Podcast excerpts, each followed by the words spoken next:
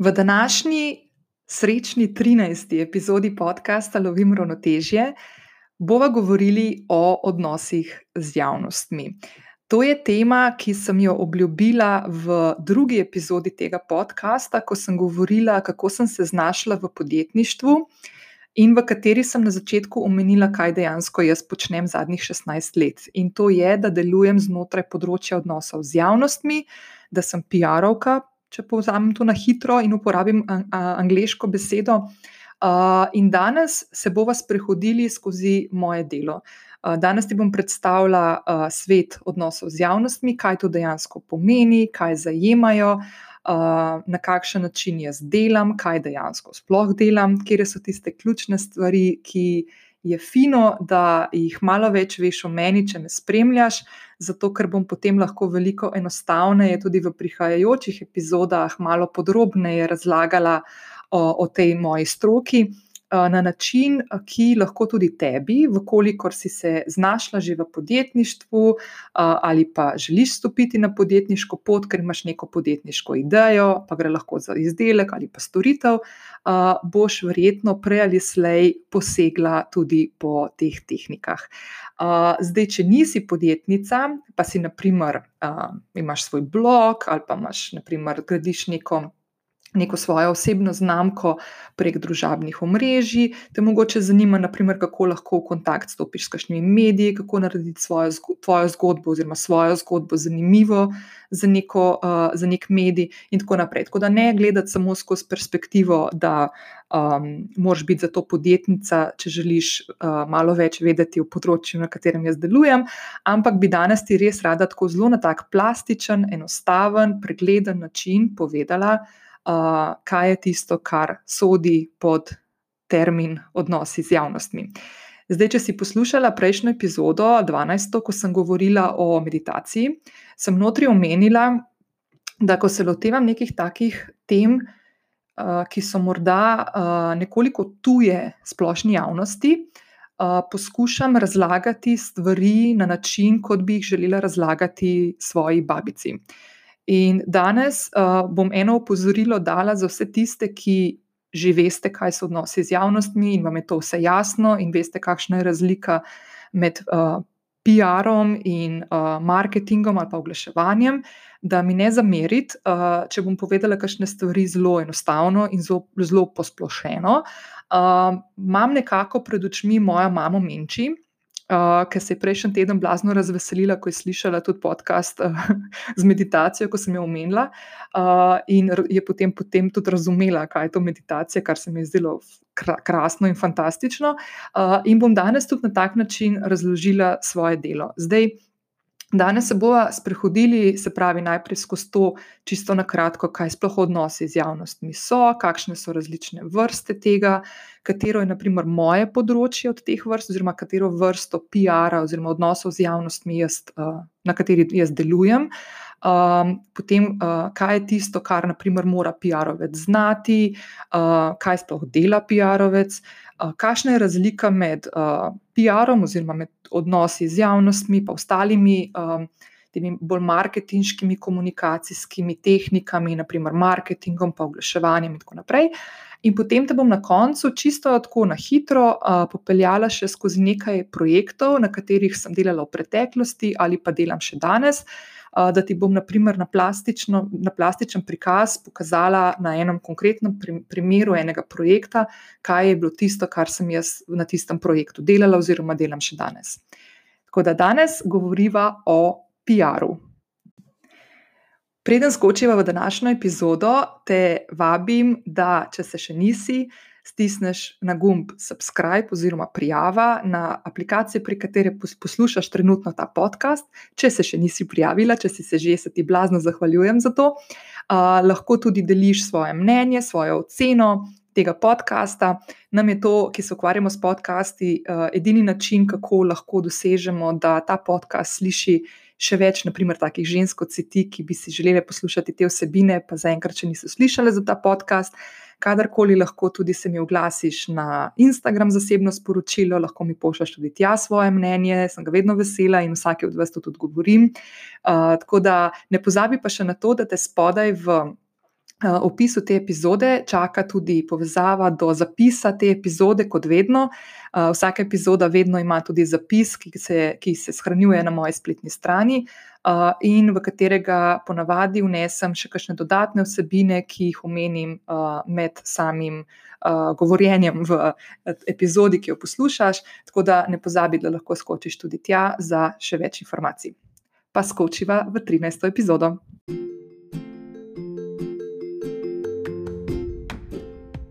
Hej, poslušaj podcast Lovim ravnotežje, kjer vsak teden predstavljam ideje, navdihe in načine, kako loviti ravnotežje med delom in življenjem. Klikni subscribe in bodi na tekočem s svežimi objavami. Ko sem se pripravljala na to epizodo, sem poskušala postaviti tebe, mojo poslušalko, v center te epizode. Se pravi, da želim te danes popeljati skozi svoje delo, ne skozi to, da ti razlagam na dolgo in široko, kaj pomenijo odnosi z javnostmi, kaj zajemajo, kaj mora vedeti dober PR-ovec, ampak bomo glavnino te epizode namenili. Nekaterim projektom, ki sem jih jaz v preteklosti ali pa jih še vedno delam, in ti bom na, na podlagi teh projektov povedala, kaj točno sem jaz na njih delala, zato da si boš nekoliko bolj plastično lahko predstavljala, kaj zajema delo PR-ovca, delo, ki ga opravljam jaz že zadnjih 16 let. Zdaj, kot sem omenila na začetku te epizode, če te zanima nekoliko več o tem, kako sem se jaz znašla v, na področju odnosov z javnostmi, lahko skočiš na drugo epizodo tega podcasta, ko sem govorila o tem, kako sem se znašla v podjetništvu. In na začetku te epizode sem veliko govorila tudi, zakaj, zakaj se mi je zgodil ta PR, ki ga nikoli dejansko nisem načrtovala v svojem. V, v, v času svojega študija, ali ko sem se odločila za, za študij, in se je zelo, zelo tako, na tak organski, zanimiv način mi zgodil. In to je področje, na katerem delujem zadnjih 15-16 let, in zadnjih skoraj 10 let tudi v, uh, znotraj svojega podjetja, oziroma neke moje samostojne podjetniške poti, ko me podjetja, uh, znamke najemajo za to, da za njih upravljam odnose z javnostmi. Zdaj, preden greva konkretno na to, kaj uh, so uh, področja, katera, um, na katerih delujem jaz. Ti bi želela samo na hitro povedati, kaj so odnosi z javnostmi. Um, odnosi z javnostmi zajemajo vodenje in upravljanje neke zunanje javne podobe podjetja ali pa blagovne znamke, lahko tudi osebe, naprimer, kakšne znane osebe, izdelka, storitve. Uh, in pri tem se uporablja različna orodja. Zdaj, ta orodja so naprimer lahko gradnja prepoznavnosti, uh, um, vplivanje na neka stališča, prepričan, prepričanja neke javnosti, ki je za nas pomembna, uh, spreminjanje nekih obnašanj oziroma spodbujanje ciljne skupine, ki jo nagovarjamo, da sproži neko aktivnost. Pa bom te stvari nekoliko kasneje razložila. Uh, zakaj govorimo o množini, o javnostih? Uh, zato, ker ko komuniciramo, kot naprimer podjetje, ko komuniciramo z nekimi javnostmi, ciljnimi skupinami, je teh ciljnih skupin veliko krat več kot ena. Lahko so to mediji, lahko so to neke lokalne javnosti, lahko gre za interno javnost, če govorimo o tem, da ima podjetje več, večje število zaposlenih in je potrebno nek tok komunikacije zapeljati znotraj samega podjetja. Uh, lahko govorimo o nekih političnih javnostih, naprimer, ko gre za neke politične kampanje ali za neko predstavljanje nekih političnih idej v okolju.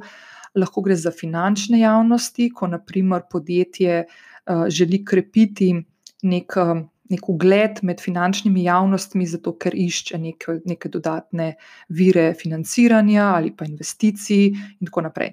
Tako da uh, teh javnosti, s katerimi PR-ovci delujemo oziroma z njimi komuniciramo, je veliko. Jaz konkretno sem se uh, pred približno osmimi leti odločila in osredotočila na eno od teh javnosti, in to so mediji.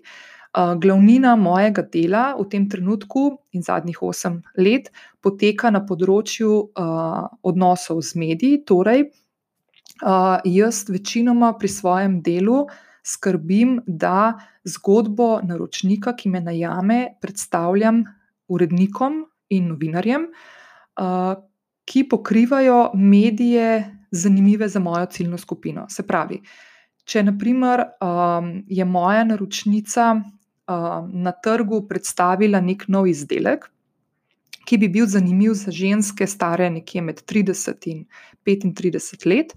Bo naprimer, bom jaz, naprimer, pogledala, kateri so tisti mediji, do katerih lahko um, do katere, uh, katere spremlja naprimer, ta moja ženska, ta moja ciljna skupina. Naprimer, to je lahko Kozmopolitan, to je lahko Siol, to je lahko uh, Pop In ali pa 24 ur, to je lahko naprimer Revija L, um, lahko je to žurnal, uh, razli, lahko je to delo, lahko je to dnevnik.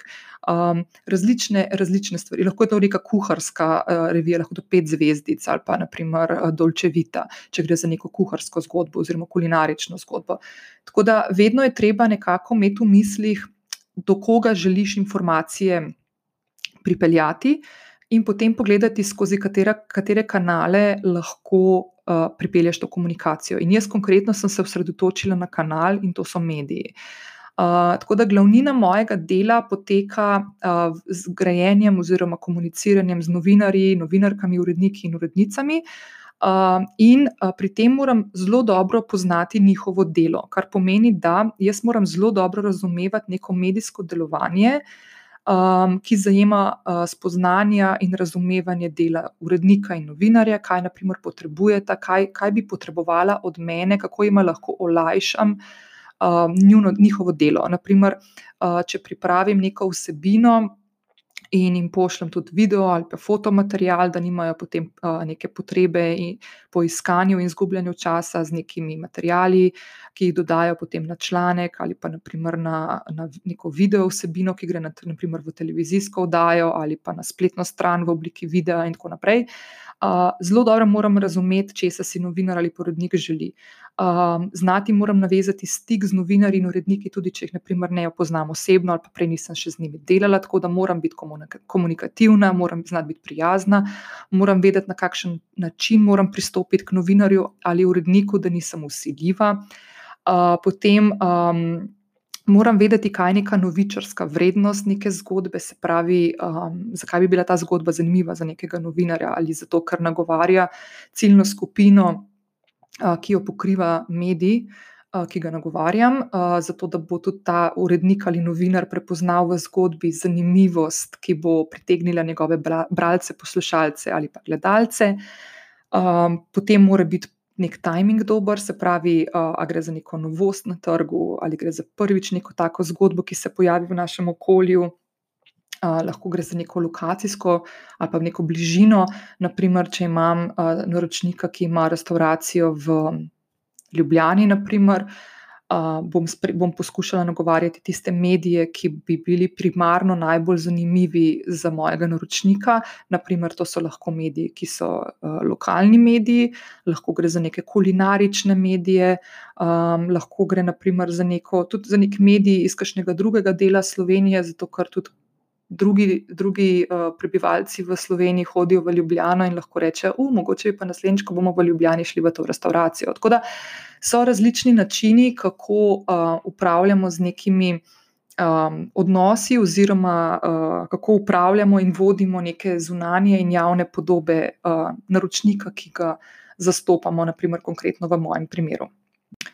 Zdaj, kot sem jaz omenila, pri svojem delu komuniciram glavnino časa z novinarji in uredniki, kar pomeni, da vsebine, ki se na to kasneje pripravijo za poslušalce, gledalce ali pa bralce medijskih vsebin, prihajajo v obliki uredniških vsebin. Zdaj, ko rečem uredniška vsebina, uh, si boš to najboljše predstavljala, če rečem, naprimer, v obliki članka, v obliki intervjuja v obliki lahko tudi nekih objavljenih receptov, uh, lahko kot neka televizijska pogovorna oddaja ali pa radijska pogovorna oddaja, lahko gre za Naprimer, eden od, eden od primerov PR-a so lahko tudi nagradne igre v medijih, kjer naprimer, na koncu dobiš neki izdelek kot, kot nagrado. Lahko je pa tudi, naprimer, kakšna blagovna znamka, ki se pojavi v kakšni križanki, ki jo rešuješ. Naprimer, tudi to je lahko del PR-a. Tako da to so, uh, je zelo tako široko polje. Uh, polje, na katerem naprimer, lahko operiram z nekimi načini kako informacijo, ki jo imam in ki, za katero, naprimer, nek novinar ali urednik um, reče, da bi bila za njegovo publiko, za njegove bralce, poslušalce ali gledalce zanimiva, na kakšen način se to lahko v navednicah zapakira in preda v neko obliko, ki bo razumljiva, zanimiva za bralce, gledalce ali poslušalce. PR je pripovedovanje zgodb. In ameriški marketinški guru Seth Godin je rekel, da ljudje ne kupujemo izdelkov ali storitev, ljudje kupujemo odnose, zgodbe in čarovnijo. In dejansko je dober PR-ovec tisti, ki zna dobro pripovedovati zgodbe. In danes se bomo sprehodili skozi štiri zgodbe, ki sem jih jaz v preteklosti delala in jih nekatere delam še danes uh, in skozi katere bi ti rada predstavila, na kakšen način uh, sem bila upeta v te zgodbe, uh, kaj sem vse delala s temi zgodbami, uh, kakšna je bila moja vloga, področje dela in tako naprej. Ker um, ti želim pokazati, poleg tega, da ti ponudim neko pogled v moj vsakdan in v moje delo, bi ti rada na takih zelo plastičnih primerih pokazala še eno pomembno, pomembno stvar ki jo mora razumeti in ponotraniti vsak PR-ovec, po mojem skromnem mnenju, in to je, da dober PR-ovec mora um, zelo, zelo dobro se znati povezati in preplesti tudi z tistimi deli nekega podjetja ali zgodbe, ki morda na prvi pogled nimajo nobene povezave z njegovim ali njenim delom. Kaj to pomeni? Uh, jaz, na primer, sem človek, ki mora imeti neko veliko širino, neko veliko predstavo o zgodbi ali podjetju, ki, s katerim delam, ker lahko potem veliko lažje um, najdem zanimive zgodbe, ki bi bile odlične, naprimer, za nekega novinarja, da lahko iz njih naredi neke zanimive članke ali pa intervju ali pa uh, druge oblike vsebin. Tako da, naprimer, jaz se bom zdaj le, uh, se bomo sprehodili skozi nekaj od teh uh, projektov, ki sem jih delala ali pa na katerih še vedno delam, in ti želim predstaviti ravno ta vidik, kako pomembno je včasih, da se zavedamo, da je pri našem delu pomembno tudi, da spremljamo neke druge dele. Um, ali podjetij, ali pa z nekih zgodb, ki morda na prvi pogled res nimajo nobene veze z nami. In to morda lahko tudi sama, če si kje zaposlena v kakšnem podjetju, morda lahko prepoznaš kakšno priliko, ko lahko določene oddelke uh, spremljaš, ali pa delo nekih ljudi, ki delajo v drugih oddelkih znotraj enakega podjetja, oziroma znotraj podjetja, v katerem si zaposlena, da jih lahko spremljaš na drugačen način, z neko točko razumevanja. Um, drugačnosti, raznolikosti in edinstvenosti, ki jo vsak od teh ljudi nosi s seboj. Prvi tak projekt, ki ti ga predstavljam, je projekt, na katerem sem začela delati, še ko sem bila zaposlena na agenciji Pristop, torej kakšno leto in pol, preden sem se podala na pod, samo, samostojno podjetniško pot, ko o tem res nisem razmišljala. Uh, in to je projekt, na katerem sem delala mislim, da celih osem let. To je da, daleč najdaljši projekt, na katerem sem kadarkoli bila, in to je projekt Slovenija Vodka. In zdaj ti bom najprej razložila eno tako zgodbo okoli tega, kako je do tega projekta sploh prišlo, um, kaj, smo, kaj smo počeli na tem projektu, kje se nahaja danes. Um, če si poslušala peto epizodo tega podcasta, ko sem govorila o strahu, si slišala tudi to informacijo, da v New Yorku živi moj stric Emil, ki se je pred 58 leti za tri tedne odpravil z ladjo Bohin v New York in je še vedno tam.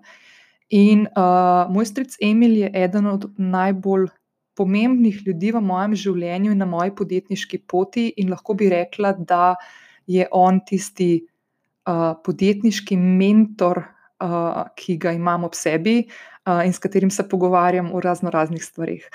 Um, in uh, moj stric Emil, poleg tega, da živi v Ameriki in, in da je tri tedne raztegnil na 58 let, je med drugim tudi, uh, po mojem skromnem mnenju, največji slovenski ambasador v tujini, poleg športnikov. Uh, sicer to dela zelo, zelo v zakolisju in ne mara o tem govoriti preveč na glas, ampak um, že od samega začetka, ko je uh, prišel v Ameriko in potem, ko se je odločil tam ostati in se je poročil, je bil vedno upet v, uh, v Slovenijo, v svojo domovino, ki je nikoli uh, ni zares čisto dal na, na, na, drugi, na, drugi, na drugo stran papirja, ampak je vedno v njegovem srcu. Uh, tako da je še v času Jugoslavije delal uh, veliko z uh, lesno, industri lesno industrijo, je uvažal uh, lesene izdelke v Ameriko.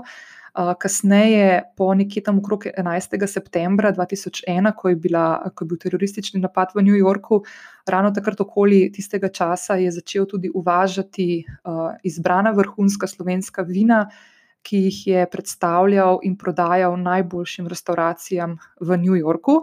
Jaz lahko povem, naprimer, da slovensko vino lahko pijete v MoMA galeriji, ki je res krasna v New Yorku, potem uh, imel jo je tudi Alain Ducasse.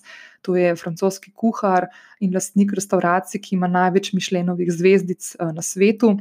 Uh, tako da res je tako zelo targetiral, oziroma zelo ciljno je iskal uh, kupce slovenskih vin, uh, da so res bila predstavljena na najvišji možni ravni. In kar je bilo zelo posebno pri tem, je to, da je želel, da vsaka restauracija, ki je vzela slovensko vino na vinsko karto, napiše tudi, um, odkje prihaja to vino. Se pravi, da se je Slovenija končno pozicionirala tudi kot vinska država na sami karti, ker smo bili prej z določenimi vini pogosto krat, naprimer, pod Italijo uh, zabeleženi. Tako da je to bila njegova zahteva, preden je neko vino uh, dal v neko restauracijo oziroma ga prodal. Uh, tako da uh, moj stric Emil je med drugim še v času uh, pokojnega predsednika Drnovška dobil tudi priznanje, častni znak Republike Slovenije za svoje delo pri. Uh, Gradni prepoznavnosti Slovenije, predvsem v Ameriki, Uh, in jaz lahko povem še eno zanimivo zgodbo, uh, s, s katero se vedno smejim, ker se peljem mimo sečevalskih solin. In to je, da sem leta 2003, ko sem šla preko New Yorka v Avstralijo, uh, me je stric pro, prosil, če lahko v New York pripeljem tudi slovensko sol, solni cvet in tradicionalno sol iz sečevalskih solin, ker je želel tudi to sol predstaviti na ameriškem trgu, ameriškim kuharjem v najbolj luksuznih restauracijah v New Yorku. In jaz sem takrat, pa lahko povem še to za tiste, ki se morda spomnite tistega obdobja, da to je bil čas uh, tistih napadov uh, z antraksi, ki so jih pošiljali v poštnih pošiljkah okoli po Ameriki. In jaz sem šla takrat z 20 kilami soli v Ameriko, Martina Krpan, sem si rekla. Um, in ko sem se tri mesece kasneje vračala iz Avstralije, spet prek New Yorka nazaj v Evropo, sem takrat, potem po treh mesecih, lahko videla, kako krasno je on že zapeljal uh, zgodbo. In so že nekateri, tudi francoski vrhunski kuhari, ki so do, tak do takrat poznali samo britanski solni cvet in je bil tisti za njih najboljši. So se odločili, da bodo vzeli slovensko sol. Tako da moj stric Emil je, kar se tega tiče, en krasen, krasen človek. In zdaj, kaj ima to veze s projektom Slovenija Vodka? Uh, Slovenija vodka se je zgodil ravno zaradi tega. Uh, moj stric je namreč med svojimi kupci imel tudi, in ga ima še vedno, uh, vrhunskega ameriškega kuharja Petra Kellija. In kar nekaj časa se je trudil, da bi tega gospoda, tega kuharja, pripeljal v Slovenijo. In uh, zelo se je trudil zato, ker prvič ta kuhar ima štiri restauracije in približno 200 zaposlenih. Uh, vsak dan dela v restauraciji in se težko vzame čas, uh, da gre na dopust. Uh, in druga stvar, da Peter Kelly dejansko ga nič ni vlekel v Slovenijo, če si iskreno. Malo je poznal vino, pa poznal je sol, pa poznal je bučno olje, ampak dejansko pa ni bilo tako, da bi pa Slovenija bila neka taka, neki bucket listi. Ne. In blazno, blazno se je trudil kar nekaj časa, na kar je res, mislim, da leta, ne vem, bom rekla, kakšno napako, ampak mislim, da okrog leta 2009 je uspešno pripeljal Petra Kellyja v Slovenijo s ženo in sinom. Meni je kasneje Peter Kelly povedal, da je imel rezerviran hotel v Benetkah za vsak slučaj, če mu Slovenija ne bo všeč, da bo šli ravno raje tja.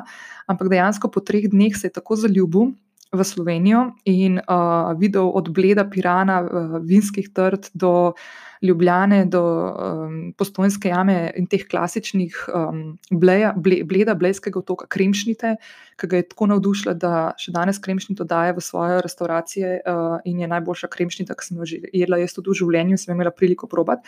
Ampak nima veze, v glavnem, on je tako navdušil tega kuharja uh, v treh dneh. Um, v Sloveniji, da ko je prišel nazaj v Ameriko, v New York in je razlagal svojim prijateljem, pa znancem, gostom v restauracijah, zaposlenim v restauracijah v Sloveniji, je postal blazno zafrustriran, ko je ugotovil, da nihče ne razume.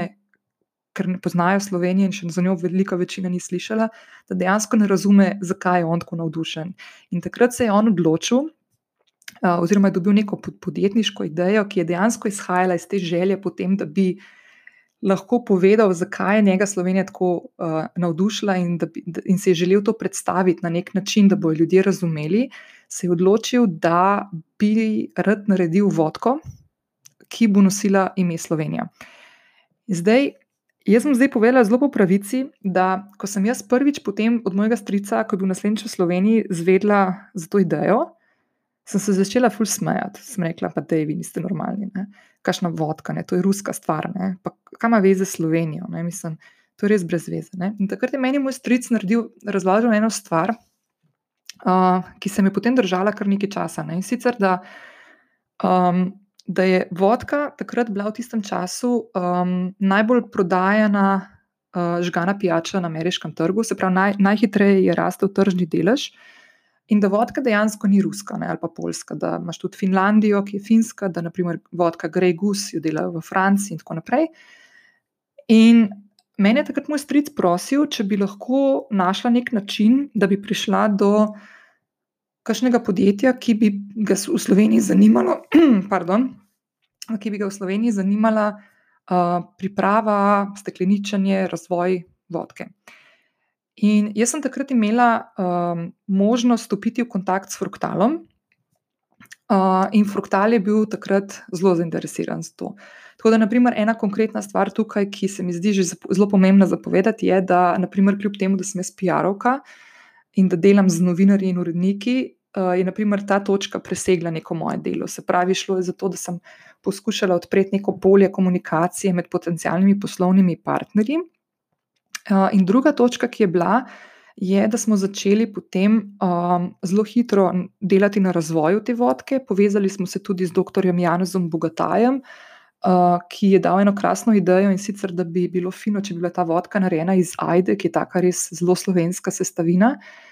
Uh, in začeli smo zelo, zelo delati na tem, da smo iskali druge partnerje na projektu, ki bi um, lahko končno to zgodbo dvigali na nek nivo, ki bi, bila, ki bi bil res edinstven. Tako da takrat smo se povezali, naprimer, s teklarno Hrastnik, um, začeli smo delati uh, z lokalnimi, oziroma tukaj domačimi proizvajalci samaškov, notranjega in zunanjega. V glavnem, šlo je za tako res zelo slovensko zgodbo. In um, jaz sem potem prevzela uh, nekako to komunikacijo med američani, se pravi, to ameriško stranjo in med vsemi temi upetimi podjetji, ki so bila na slovenski strani. Uh, tukaj je šlo tudi potem za registracijo blagovne znamke, tako da sem veliko hodila tudi na sestanke na urad, uh, na urad za intelektualno lastnino in tako naprej. Tako da ogromno je bilo nekih stvari narejenih, ki se niso dotikali konkretno nekega, nekih medijev. Ne? In zelo veliko stvari je prva leta, uh, ko se je izdelek uh, šele razvijal, je potekalo v tajnosti. Ne? Se pravi, da o tem nismo govorili na glas. Dokler se ni zgodil trenutek, uh, mislim, da je bil 3. januar, um, zdaj ne me vprašati, katerega leta, ker sem, mislim, da 2011. Ja, mislim, da 2011, uh, ko je mene zjutraj poklical, malo po novem letu, mislim, da je bil prav 3. januar, me je poklical novinar, takratni novinar Financ in me je začel spraševati o Sloveniji vodki uh, in da bo to jutri na naslovnici Financ uh, ali mu povem, kaj ali pa ne, da pač on bo to objavil. In takrat se je začela pol tudi PR-ovska zgodba uh, s tem projektom. Uh, ampak ne glede na to, kaj sem hotela povedati, je, da je ta projekt bil narejen dejansko z željo in spodbujanjem neke prepoznavnosti Slovenije v Ameriki. In jaz sem blazno ponosna na nekaj stvari, ki so se zgodile v tem projektu. Ena od stvari je ta, da pač sem na projektu delala res najdalj časa od vseh ostalih. Uh, druga stvar je ta, da sem dobila ogromno enih znanj, spoznanj in, in um, nekih poslovnih vezi, ki jih drugače ne bi imela priložnosti narediti. In tretja, najpomembnejša stvar je, da sem skozi projekt Slovenija Vodka postala blazno, uh, blazno velik domoljub. Se pravi, zelo sem postala ponosna na to, da sem slovenka in da prihajam iz Slovenije. Zakaj? Um, V začetnem obdobju uh, postavljanja blagovne znamke Slovenija Vodka sem bila izblazno skeptična do tega imena. Zdelo se mi je butasto, zdelo se mi je smotano, zdelo se mi je tako kar neki. Logotip mi ni bil všeč, steklenica mi ni bila všeč. Uh, nisem razumela, zakaj američani želijo dati naš grb na zamašek. Meni je bilo to tako vse čudno. Ne? In jaz sem v eni točki ugotovila, kako zelo narobe v vsem tem razmišljanju je to, da ima nek američan, ki v Sloveniji takrat sploh še ni bil, to je bil ta gospod, ki je delal um, vizualno podobo, ki je tudi rekel, da bi bilo fino, da imamo grb, naprimer na, um, na zamašku, pa ga kasneje potem ni bilo zaradi različnih drugih razlogov. Uh, ampak um, to je človek, ki takrat še ni bil v Sloveniji nikoli. In Jaz nisem mogla razumeti, zakaj ima naprimer, on večjo željo po tem, da da simbol moje države, moje domovine na neki izdelek, da je, ta, da je ta njegova želja močnejša od moje, da bi v bistvu mogla biti drugače. Ne?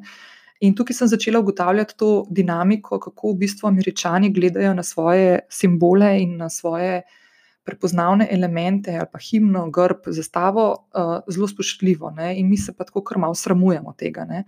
In to je eskaliralo v trenutku, ko sem jaz bila, potem leta kasneje, mislim, da je bilo to 2013 ali pa 12, ko sem bila v New Yorku na uh, uradni predstavitvi uh, izdelka Slovenija Vodka, ki je potekala v eni mišljenovi restauraciji sredi Manhattna. In so vsi ljudje, s katerimi sem se uspela pogovarjati, in ki sem jim omenila, da prihajam iz Slovenije, so bili tako blazno navdušeni nad Slovenijo in tako, oh, moj bog, I can't believe this, you're so lucky. In jaz sem si mislila, kera koza si ti, ne? spet še ena točka, uh, kako v bistvu smo mehki včasih v našem razmišljanju, ker smo mehki, ker noben ne ve, kje smo. Ker smo tako uh, obremenjeni s to, vem, da, da nič se ne da pri nas narediti, in tako naprej. In jaz sem v bistvu temu projektu najbolj hvaležna za to, ker sem ugotovila, da živim v najlepši državi na svetu, uh, ki mi omogoča, da živim takšno življenje, kot si ga želim. In verjetno, če ne bi delala tega projekta in bila soočena s temi stvarmi, verjetno ne bi danes tega na tak način dojemala. Okay, zdaj, če se vrnemo malo nazaj v samo postopek razvoja tega izdelka in kako sem jaz v bistvu bdela nad komunikacijo in bila nek vezni člen med američani, ki so bili glavni investitorji v tem projektu, in med vsemi slovenskimi podjetij, ki so bila udeležena v to blagovno znamko, se pravi med Fruktalom, Steklarno Hrastnik, tistim gospodom, ki je delal v Sežani za Maške. Um, jaz sem tukaj ogromno enih stvari delala, ki dejansko um, niso v nekem opisu mojih, uh, mojega dela. Ne. In zakaj to razlagam? Zato, ker kasneje, ko sem imela potem priliko oziroma možnosti govoriti tudi z mediji, uh, slovenskimi mediji, predvsem o tem izdelku, sem znala odgovoriti na vsa vprašanja. In to je ena stvar, ki jo, naprimer, PR-ovec mora znati. Uh, novinar, ko te pokliče, ali pa urednik, ko te pokliče, od tebe pričakuje, da ti znaš odgovoriti na neko, na neko vprašanje, vsaj z nekim smiselnim. Odgovorom, oziroma da znaš to informacijo, ki jo potrebuje, dobiti v najkrajšem možnem času, če jo nimaš pri roki oziroma v žepu. In jaz, če ne bi, naprimer, bila tako upeta v ta razvoj tega projekta toliko časa in res bdela nad vsemi stvarmi, naprimer tudi konkretno, ko smo imeli težave s steklenico, ker ni bila takšna, kot si jo je naročnik v Ameriki zaželel, sem jaz, naprimer, šla v steklarno Hrastnik in sem sedela na sestanku, dodatnem, dolgem sestanku s tehnologi, eh, steklarji, ki so ugotavljali, kako bi lahko to steklenico, ki je bila res tako kompleksna, z ostrimi robovi, tako kvadratna steklenica je. Če boš skočila na zapis te epizode, ki te čaka spodaj, tle v, v, v tem le descriptionu, boš videla link do moje spletne strani, kjer lahko prebereš, oziroma tudi vidiš, uh, kako je to izgledalo, če si ne predstavljaš, uh, kako izgleda ta steklenica. Potem, naprimer, vmes se je zgodilo, da je bil fruktal prodan, da so, smo dobili uh, takrat nove partnerje, to so prihajali iz Srbije. In smo bili kar mal na začetku, mal, nismo, bili, nismo bili sigurni, če bo ta zgodba, ki je tako zelo nacionalna, slovenska, s podpiranjem Slovenije, potem predstavljanje Slovenije skozi izdelek na ameriškem trgu, če jih bo to sploh zanimalo. In sem bila, naprimer, jaz tista prva, ki je šla v Fruktal in imela. Uh, mislim, da je bil sestanek dolg pet minut z novim lastnikom Fruktala in sedanjim direktorjem Fruktala, med drugim dva sta bila. Um, Jaz, jaz nisem imela še tako zahtevnega sestanka v življenju, ko sem mogla dejansko v petih minutah povedati vse ključne stvari um, in skomunicirati vse tiste stvari, ki uh, so bile pomembne v tistem trenutku, da jih ona dva takrat dobita, da se odločata in da podpreta ta um, projekt naprej. Jaz sem potem, ko sem prišla do avta, Zdaj, če bo kdaj to uh, gospod Goran poslušal, ki je zdaj predsednik uprave Fruktala, se bo verjetno smejal. Ampak jaz, ko sem šel takrat nazaj v Ajdovščini do avta in blazna burja je bila zunaj, jaz sem po mojem še ne 45 minut sedela v avtu, gledala v volan, ker nisem mogla, tako sem razmatrana, da se nisem mogla odpeljati nazaj proti Ljubljani. Ampak ja, tako ogromno enih takih stvari se je zgodilo na tem projektu, ki so potem meni pomagala pri tem, da sem uh, z mediji skupaj gradila neko zgodbo o izdelku Slovenija vodka, ki je presegal vsa pričakovanja. Mi smo takrat naredili, po mojem, samo v Sloveniji prek 500 medijskih objav. Um, zdaj Slovenija je zelo mehen, mehen, uh, mehen trg in tudi posledično je medijski trg zelo, zelo mehen. Ne? Uh, kar je sicer jemljem kot neko pozitivno stvar, ker lahko veliko hitreje določene stvari narediš, ampak ne glede na to, ne, uh, je 500 objav uh, zelo, zelo, zelo lepa številka. Uh, in večinoma so bile objave uh, pozitivne. Bilo je seveda tudi nekaj takih, ko niso razumeli, uh, zakaj vodka in so bili malo negativni. Veliko je bilo takih, da zakaj pa Slovenija, da tukaj gre za neko zlorabo slovensk, imena Slovenija uh, v, v, pač v, v namene neke prodaje uh, in delanja dobička na nekem produktu in tako naprej. Tako da ja, bilo je kar nekaj takih stvari, s katerimi smo se ukvarjali, ampak uh, Um, na koncu, no, vse skupaj je bilo uh, za mene, naprimer, konkretno, mi je bila to ena od večjih šol na svoji podjetniški poti, osebni rasti, uh, razumevanju svojega dela, dejansko, ki je takrat začelo res potekati na čist drugih uh, obratih kot prej. Um, in še ena stvar je bila blazno zanimiva, no, je tudi tukaj, da se je poleg um, samega nekega predstavljanja zgodbe in blagovne znamke in izdelka uh, medijem in v obliki nekih medijskih zgodb, uh, je tukaj bila še ena dimenzija, ki je bila zelo zanimiva meni opazovati, in to je bila uh, prisotnost dveh velikih uh, zvezdniških imen. Ki sta na projektu Slovenija Vodka sodelovali v obliki ambasadorstva in tudi um, investitorstva, oba sta tudi investitorja v to podjetniško zgodbo. In to sta bila in sta še vedno uh, ameriški igralec Bill Murray in uh, ameriški igralec in baletnik, oziroma uh, ja, zdaj američan, uh, Mikhail Barišnikov. Zdaj, tiste punce, ki ste gledali Seks v mestu nadaljevanko, veste, da je Kerry na koncu v šesti sezoni imela enega Rusa. Uh, mislim, da je bil Aleksandr Petrovski, uh, no tega Rusa igra baletnik in igralec Mikhail Borišnikov, Miša. Uh, jaz sem oba spoznala v New Yorku, ko smo imeli predstavitev vodke na Manhattnu. Uh, Bila Murraya sem kasneje, zdaj bo skoraj dve leti od tega spoznala, še enkrat videla, ko je bil tudi v Ljubljani. Um, v glavnem, in tukaj je bil še ta zvezdniški PR, ne moment, kako je v bistvu uh, medijsko pozornost vleklo tudi, tudi to, da sta, prisotna, da sta bili prisotni ti dve veliki imeni v, v celi zgodbi. Uh, zdaj, uh, to je zgodba Slovenija Vodka, se pravi, kaj je tukaj ključno, je, da moje spoznanje, da PR mora potekati širše, ne samo uh, v tisti klasični obliki, da je meja zelo, zelo, zelo zabrisana, v bistvu je ni. Uh, PR-ovec, dober PR-ovec, po mojem mnenju, uh, poleg tega, da zna upravljati svoje delo, da pozna svoje delo, tehnike, urodja, načine delovanja, da pozna uh, in razume medijsko delovanje, kaj potrebuje novinar, kaj potrebuje urednik v obliki vsebin, uh, tako tekstovnih kot uh, uh, kot nekih vizualnih, uh, foto, video in tako naprej. Uh, je pomembno tudi to, da se zaveda širine, ki jo potrebuje, če želi upravljati svoje delo dobro.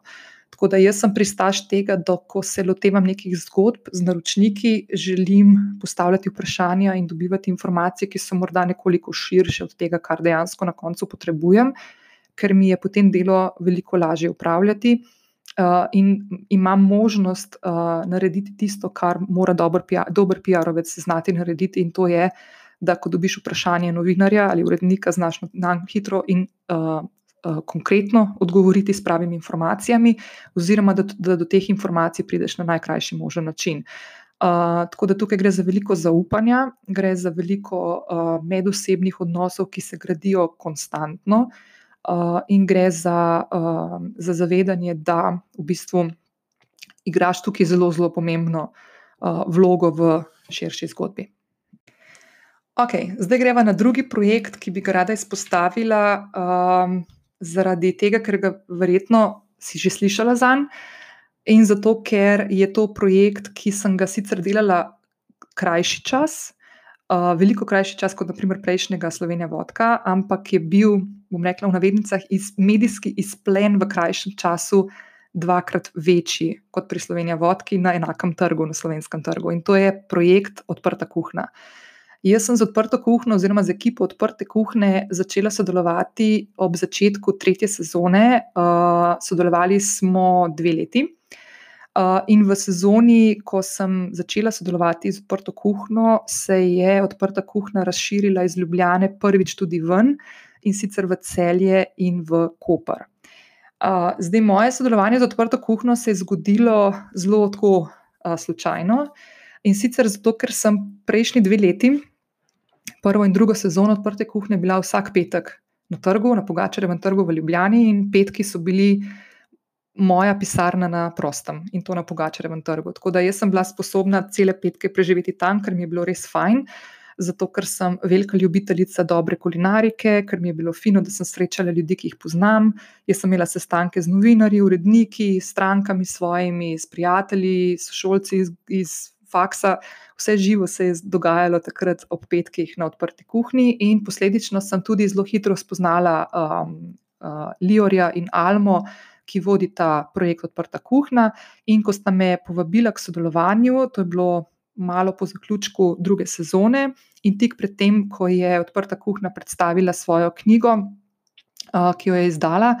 Uh, sta me povabila k sodelovanju. In uh, jaz moram povedati, da mi je bil ta projekt uh, eden od bolj zanimivih projektov z večjih vidikov. Najprej zato, ker um, sem skozi ta projekt navezala ogromno, ogromno stikov z novinarji, uredniki in mediji, ki jih prej nisem imela.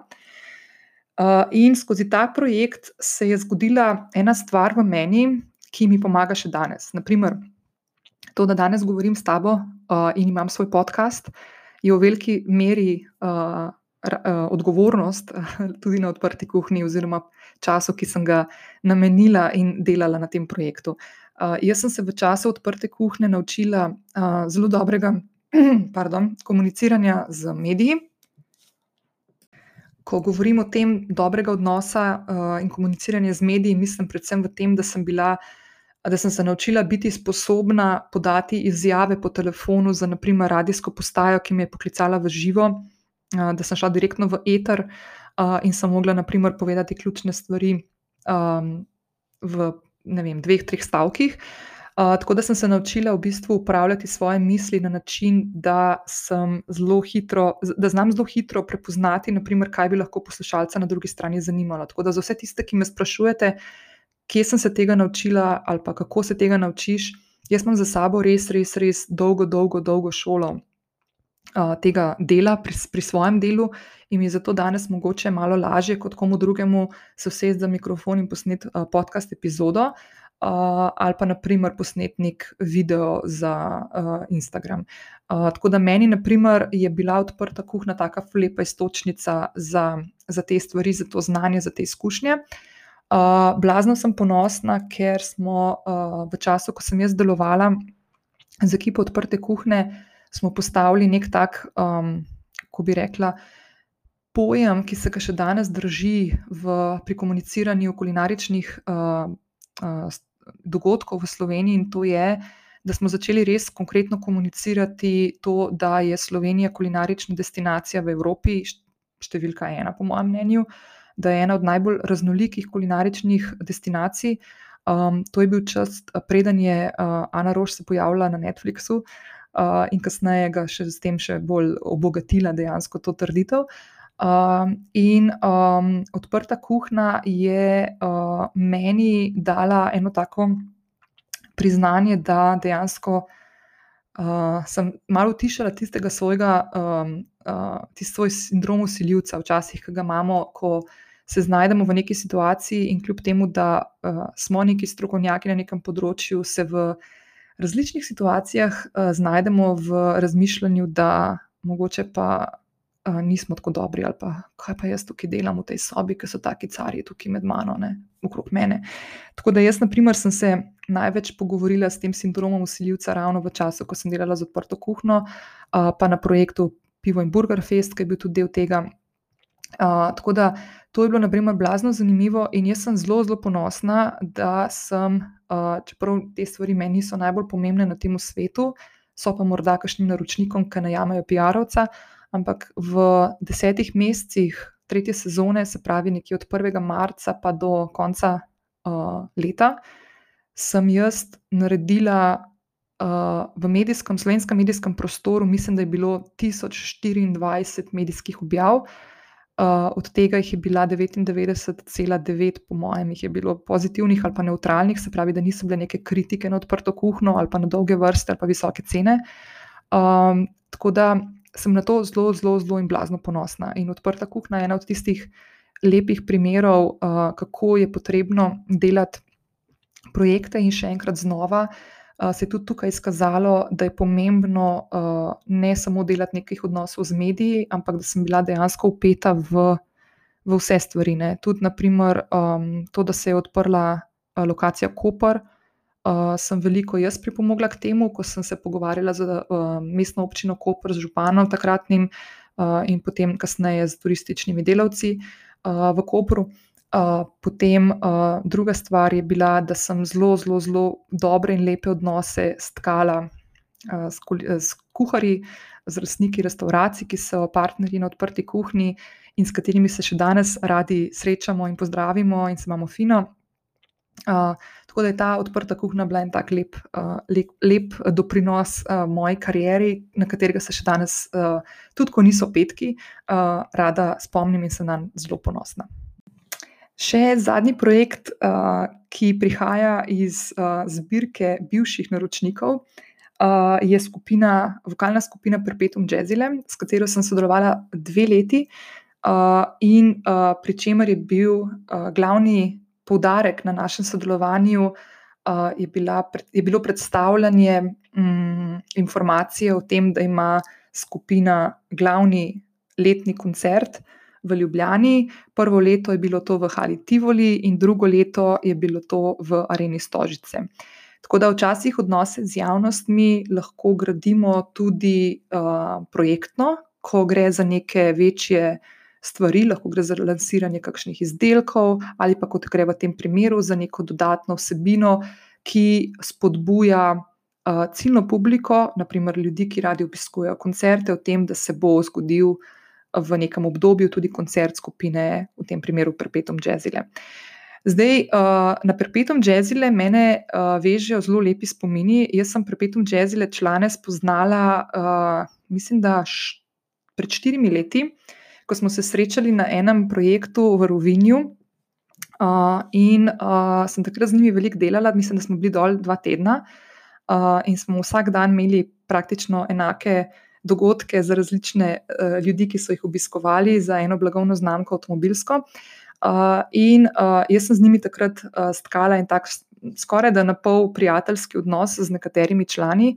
Uh, in ko so me povabili na sodelovanje za promocijo njihovega koncerta v takrat v Hali Tivoli, sem bila zelo počaščena, uh, ker sem vedno, uh, mislim, meni so oni res taki kralji. No?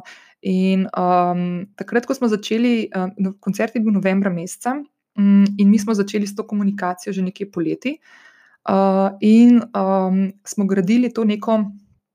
uh, dvigovanje napetosti pred koncertom uh, zelo dobro. Takrat se je zgodila še celo ena taka uh, full fine stvar in sicer, da kakšen mesec, pa pol, dober mesec pred koncertom je prišla informacija iz Amerike, da je skupina Perpetuum Jazzile vključena med potencijalne nominirance za nagrado Grammy.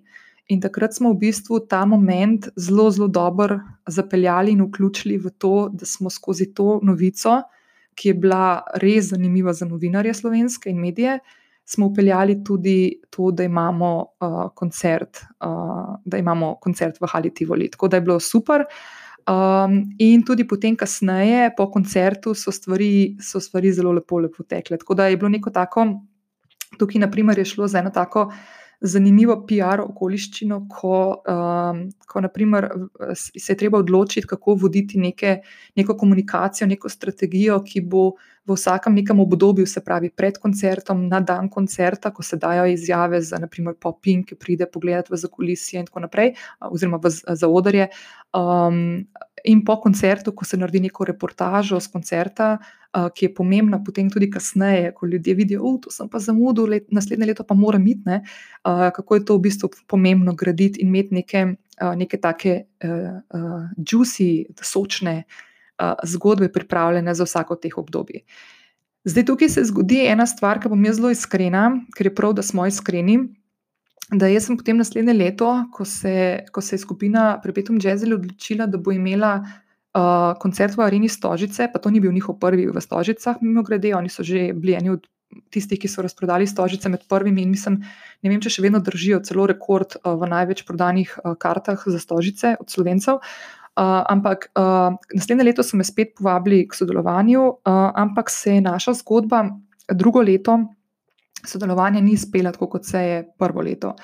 Um, in jaz um, sem takrat del odgovornosti prevzela na sebe, uh, ker se mi zdi to tudi prav, ampak dejansko je bilo zanimivo opazovati, kako lahko se v nekem trenutku na istem trgu z podobno zgodbo stvari zelo drugače odpeljejo, kot so se leto poprej. Če smo bili leto poprej zelo, zelo zadovoljni s PR-om, je bilo kasneje, leto kasneje bistveno drugače, zato ker se določene zgodbe niso poklopile med sabo. In jaz sem se na tem področju, na tem primeru drugega leta sodelovanja naučila spet znova moje največje uh, zagrenjenosti pri delu, ki ga upravljam, da nimam nadzora uh, nad tem, kaj se bo dejansko na koncu zgodilo z neko zgodbo za mojega naročnika. Da včasih se stvari ne poklopijo med sabo.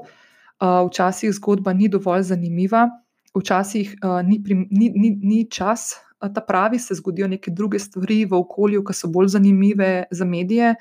Um, tako da se zgodijo tudi taki trenutki, ko naprimer um, neka taka uh, znamka, kot je Perpetuum Jazzile, ni dobila.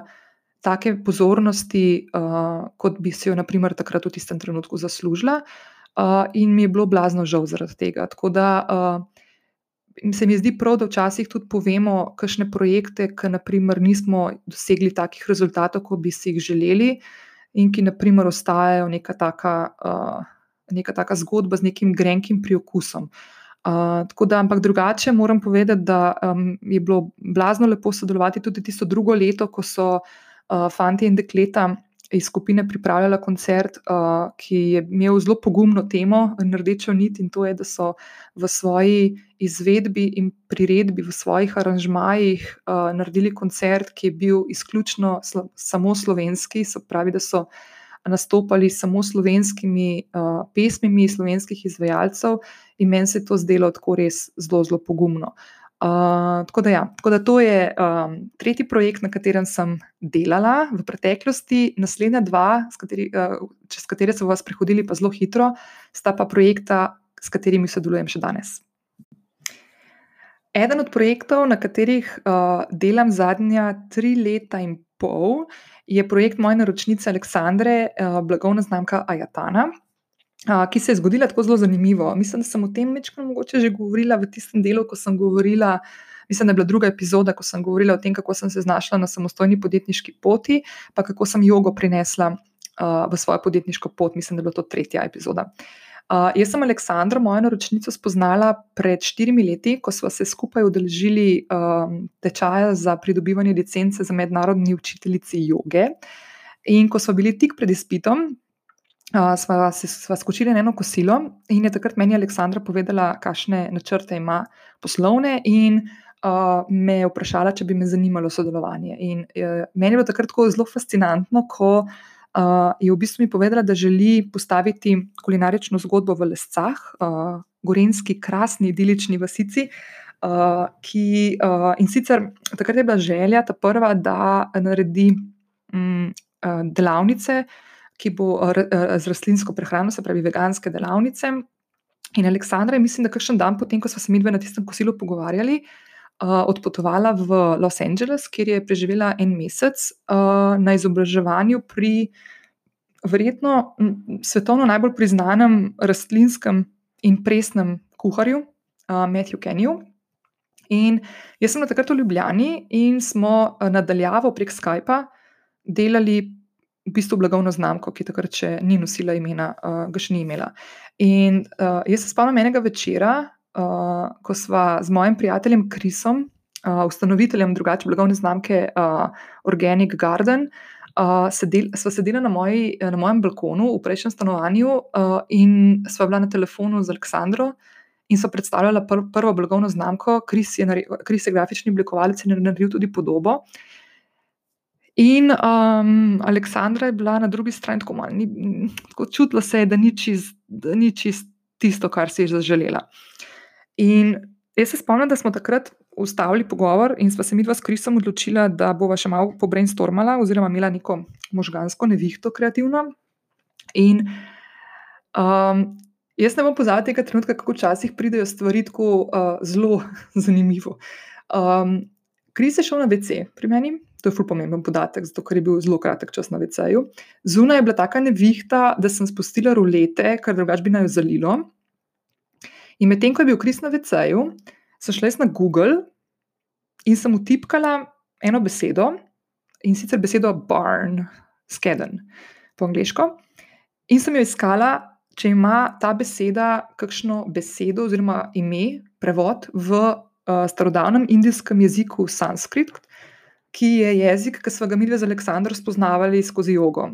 Aleksandr je nekako hotel združiti ta jogijski del s kulinaričnim delom in narediti neko tako lifestyle znamko. In takrat se je odprla spletna stran, prva, na katero sem jaz kliknila, in ko sem kliknila na njo, se je odprla beseda Ajatana. Uh, in ta beseda Ajatana v sanskritu pomeni dom, zavetišče, uh, ognišče, skeden. Zakaj skeden? Um, prvi del Ajatanine zgodbe, ko se je ustanovila, ko smo jo predstavili potem tudi širši, širši javnosti, to je bilo potem decembra 2016 uh, je domovala v enem, eni krasni zgradbi v centru Lest, ki je v lasti Aleksandrine družine. To je v prenovljenem skednu in to je skeden iz leta, mislim, da 1617, uh, ki je tako krasen, idiličen, tako les, uh, gorenski, tako fulepo. Uh, tako da je ta Ajatana ime fulepo sopadalo uh, s tem, uh, s tem smo, na, na kar smo se mi takrat podali. Uh, Um, in jaz se spomnim, ko je Kris prišel nazaj z VC in sem mu jaz rekla: Hej, Kris, kaj se ti zdi, ko rečem beseda Ajatana? In so se njemu koriskrce naredili tako malo v očeh, sem rekla: Dej, a če vam idva še enkrat Aleksandro poklicati. In mi pa res pokličeva Aleksandro, ki je takrat bila na enem, mal, malo je čilirala ob enem bazenu v Los Angelesu. In jaz se spomnim, ko sem videla, rekla je Ajatana in je ona rekla, da je dobila mravljince. Ne? In takrat smo vedeli, da je ta zgodba ta prava. Zakaj zdaj to omenjam? pa bom zdaj nehala s to zakulisno zgodbo, spet ne, kako včasih um, kot PR-ovec padeš tudi v neke zgodbe, nekih znamčen oziroma gradnje nekih blagovnih znamk imen in tega, kar načeloma lahko včasih misliš, da ni glih tvoje področje. Ne. Ampak spet tukaj se je izkazalo to, da. Um, da je širina nekega poznavanja, ki ga jaz pri svojem delu uh, zvesto uporabljam, presega neko to klasično um, jedro mojih storitev, ki ne bi bili odnosi z mediji, ne, kar, sem na, kar sem na začetku uh, razložila. Tako da zgodba Jatane je potem, kasneje, skozi leta tekla v različne smeri in po teh poteh teče še danes. Um, ena od stvari je bila, da smo na začetku res imeli te delavnice. Uh, kasneje smo začeli razvijati um, eno tako spletno platformo, na kateri bo slonil en tak inovativen. Prehranski načrt, ki ga dejansko člani skupine, ki smo se združili okrog Ajatane, pripravljamo že kar nekaj časa in ga razvijamo sami, kar se mi zdi zelo pomembno. In lansko leto, tik pred poletjem, smo na trgu predstavili dva izdelka, kombučo in prvič v Sloveniji vodni kefir. To sta oba izdelka, ki sta fermentirana ki sta probiotična izdelka, čeprav se tega v Sloveniji ne sme povedati na glas v, v komunikaciji, zato ker je to sporno, zgleda nekako, ampak dejansko gre za izdelka, ki vsebuje tudi, tudi probiotike, antioksidante in sta odlična za um, pre, prebavo. In zdaj ena zanimivost, naprimer, tukaj zdaj potegnem notri to, da je uh, pri delu PR-ovca. Uh, zelo pomemben vidik tudi to, da ti izobražuješ ne, skozi te, te zgodbe, ki jih kreiraš. Um, in, naprimer, uh, Ajatanina kombuča in vodni kefir sta en tak krasen primer tega, da smo lansko leto in še vedno zelo, zelo veliko časa in energije usmerili v to, da smo izobraževali uh, novinarje, urednike in konec koncev tudi kupce, končne in sledilce na naprimer družabnih omrežjih Ajatane, zakaj je dobro, da v svojo vsakodnevno prehrano vključimo tudi fermentirane izdelke. Zdaj, že naše babice so vedele, da je kislo zelje, kisla repa, da so to stvari, ki jih je fino vključiti v, v, v dieto. Smo pa potem s časom malo izgubili te, ta znanja, ki so jih tudi naše babice že znale delati. Naprimer, kefir so delali, tudi vodni kefir so nekateri delali doma pred časom, tudi kombuče so delali doma nekateri. Tako da to ni neka stvar, ki se je zgodila tako zdaj v zadnjem zadnjem obdobju in da je zdaj postala full trendy, ampak dejansko ima neko, nek zelo, zelo globok pomen, um, ki so se ga zavedali v bistvu naši predniki že 2000 let nazaj. Naprimer, kombuča so delali na kitajskem že pred 2000 leti. Tako da to ni neka taka stvar, ki je zdaj full nek trend in zdaj pa pač moramo vsi dol pasti zaradi tega.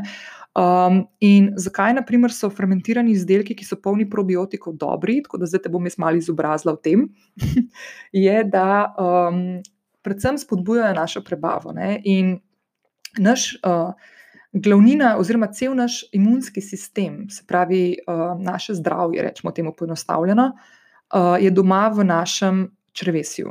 Uh, in zato je zelo, zelo pomembno, da naše črvesje krepimo in da ga uh, ohranjamo zdravega in močnega.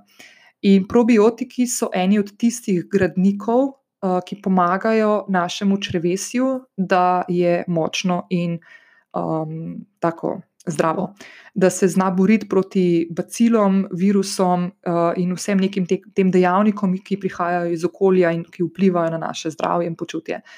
In zdaj um, zdravniki, nekateri uh, te strokovnjaki za uh, prebavo in črvesje, pravijo, da, da, črvona, da so to drugi možgani uh, v telesu.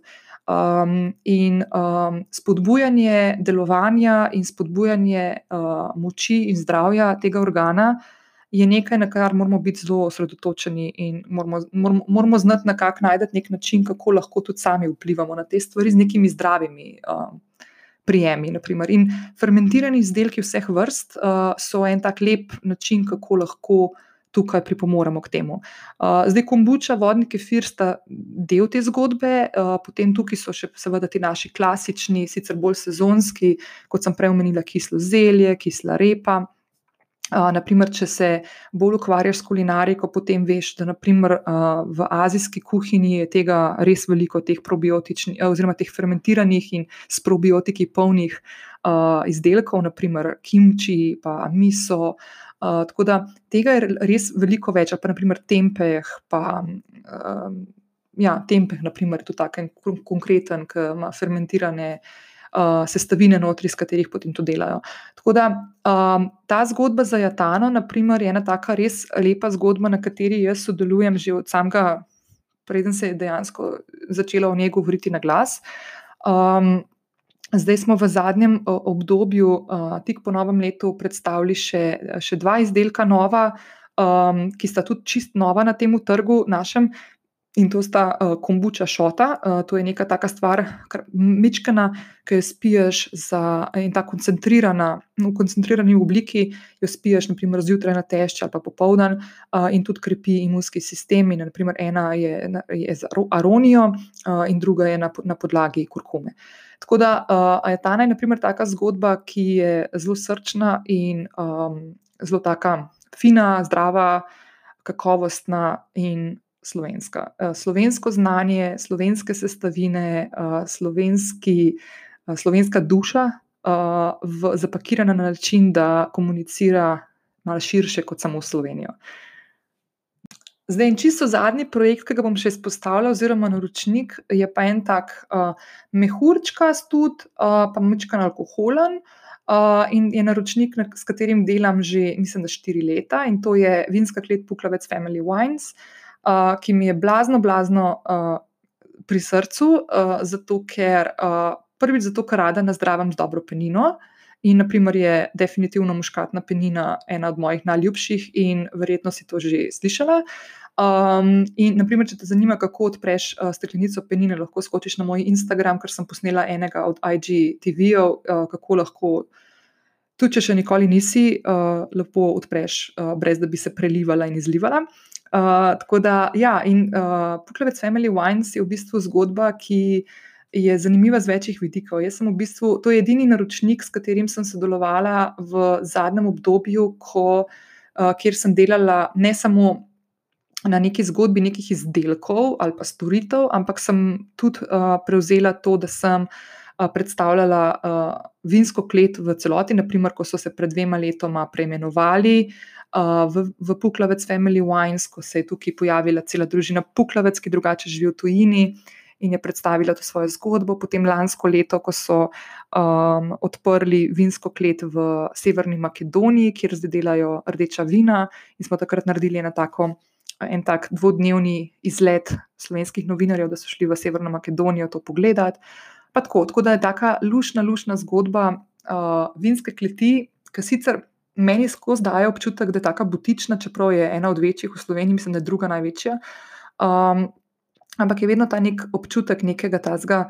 Um, Butičnosti. No? Tako da so tudi njihova vina, sicer zelo imajo širok razpon, od vin, ki so nekako, ne, ne, bomo rekli, temu nekaj nižjega, kakovostnega ali pa cenovnega, rečemo, temu razreda, pa do zelo, zelo, zelo, zelo vrhunskih uh, vin, naprimer tudi te zadnje, ki prihajajo pod blagovno znamko Instinct, uh, ki prihajajo iz Severne Makedonije in so rdeča vina. Uh, in je tako res taka. Tako se mi zdi ta zgodba z dušo. In jaz blazno rada delam uh, s tem naročnikom, zato ker se zelo dobro razumem z, z njihovo glavno šefico marketinga in sva ogromno enih projektov znotraj sodelovanja že speljali, ki so bili res taki lušni in zabavni in uspešni. In je vedno, vedno lepo delati uh, na projektih, ki se skoraj da odvijajo, ne skoraj da sami, ne, seveda, ker imamo ogromno tukaj dela in stvari, ki jih ne moramo narediti in jih vodimo v zakolisju, ampak dejansko so zgodbe, ki vlečejo pozornost, ki uh, pritegnajo ljudi in o katerih se ljudje želijo pogovarjati in poslušati. Tako da to je vedno tako lepa stvar, ko delaš neke zgodbe uh, in postavljaš, da je ta občutek. Uh, neke te, um, nekega zanimanja res visoki in, in, in da so ljudje upeti v to zgodbo. Zdaj, ali so to novinari, uredniki ali pa konc koncev. Uh, naprimer, kakšni vplivneži, ki smo se z njimi srečali, uh, ali pa na kakšnem dogodku, ko smo povabili širše, šir, šir, širšo javnost, uh, je bilo vedno fino poslušati, kako uh, dobro so dojeli in razumeli celo, celo to zgodbo, in potem pri okušanju samih steklenic buteljk, kako so bili navdušeni nad njihovo vsebino. Tako da, ja. Tako da to, so, naprimer, to je pet projektov, na katerih uh, sem ali še delam.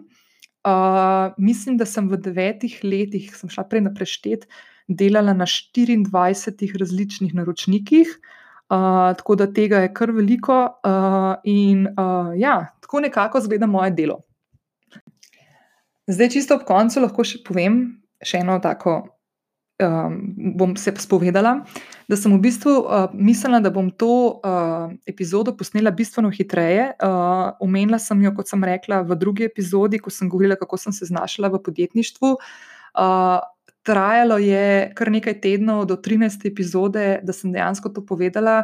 Razlog se skriva v tem, da ne da težko govorim o svojem delu, daleč od tega, ampak da mi je enostavno včasih mičken težko. Uh, vse stvari, ki sem jih počela v življenju pod tem mojim uh, oblakom odnosov z javnostmi, oziroma odnosov z mediji, uh, spraviti v neko kratko uh, epizodo, in da vseeno zadrži neko zanimivost za tebe, ki poslušaš, uh, s čim se jaz ukvarjam.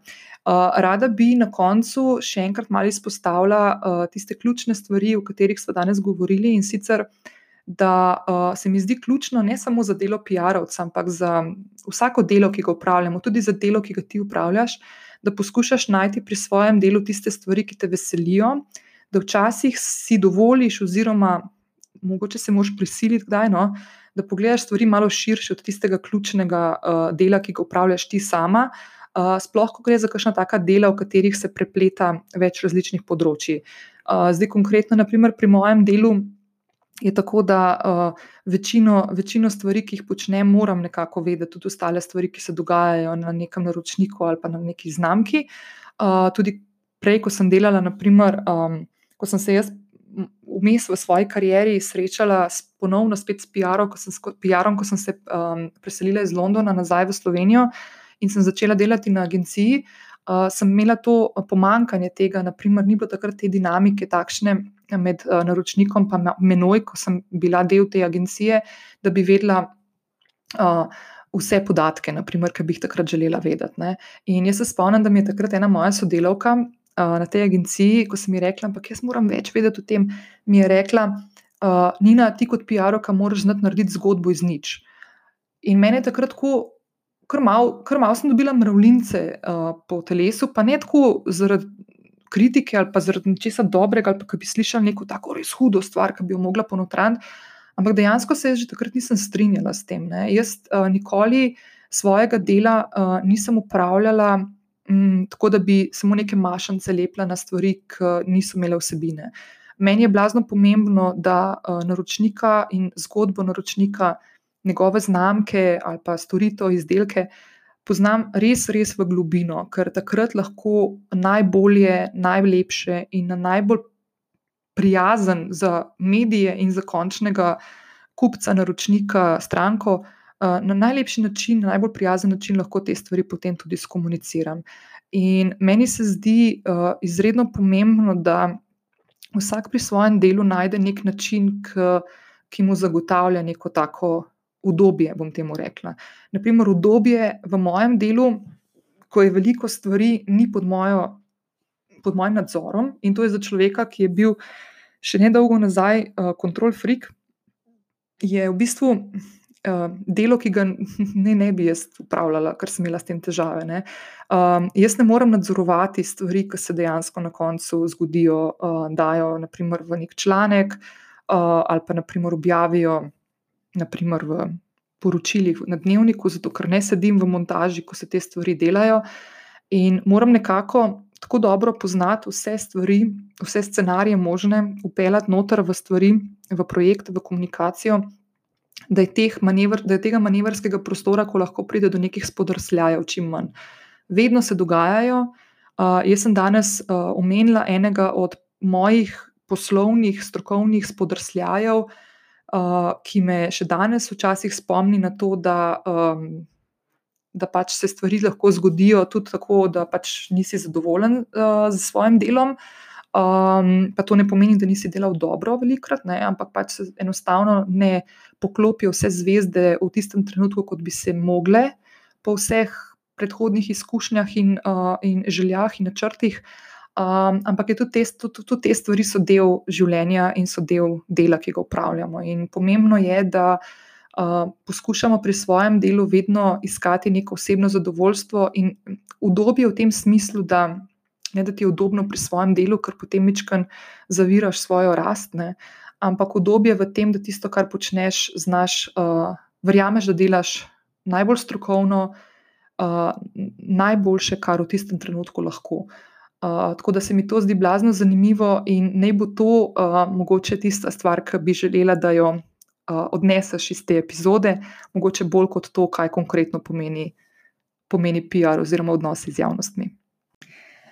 In prišli smo do konca srečne 13. epizode podcasta Lovim ravnotežje. Hvala, ker si ostala do konca z mano. Uh, danes je Valentinova, Uh, in uh, jaz upam, da boš ta dan preživela na en tak način, kot sem si ga jaz zamislila zase. In sicer, da boš skozi ta dan, ne glede na to, ali si samska, ali si v vezi, si poročena, imaš družino, da si boš prvošila tudi kakšen trenutek zase, da boš naredila kakšno stvar, ki tebe veseli, uh, da boš poskrbela za uh, v navednicah ali pa hashtag, ki se reče self-love, uh, in da ta dan, Valentinovo, razpotegneš na ostalih ne vem koliko zdaj dni, 300 pa nekaj še traja do konca leta. Uh, in uh, hvala še enkrat. Zelo sem vesela uh, vseh vaših uh, vprašanj in sporočil, ki jih dnevno prejemam, predvsem v Instagram nabiralnik. Uh, predvsem sem vesela vsem, ki se in hvaležna za vse, ki ste se prijavili uh, na ta podcast. Uh, to lahko narediš tudi zdaj, lahko mičkaj ustaviš tukaj uh, tole, uh, ta, ta moj glas, uh, skočiš na aplikacijo, prek katere poslušaš trenutno ta podcast, stisneš prijavi oziroma gumb subscribe. Uh, in se prijaviš, in s tem poskrbiš za to, da bo ta podcast viden uh, še večjemu številu žensk, ki so tebi podobne in se srečujejo s podobnimi vprašanji v življenju, kot se tudi ti. Uh, tako da, uh, preden grem, še ena malenkost.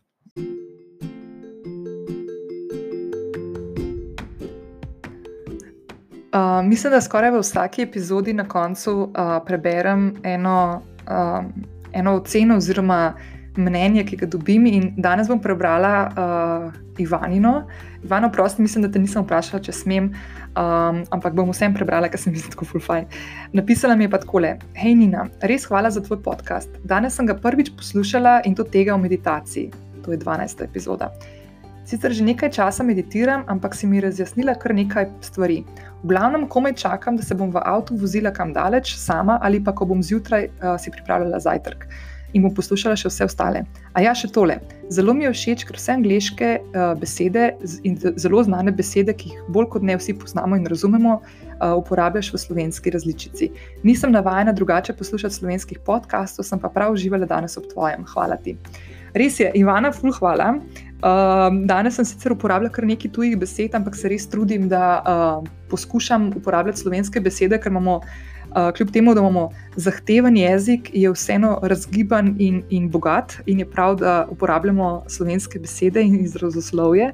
Tako da res hvala. Včasih kakšne stvari je malo težko posloveniti. Um, naprimer, hashtag mi je še vedno težko reči ključnik, čeprav zdaj mi je že mečkam bolj všeč, kot mi je bil na začetku. Ampak tako je pač uh, z, to, s tem razvojem jezikov, ko vedno znova prihajajo. Uh, prihajajo nove besede, uh, je fajn, da se tega, da se tega zavedamo in uh, da jih vključujemo, kot se le da, v neko svojo, uh, svoje sporočanje oziroma govorjenje. Tako da hvala še enkrat, Ivana.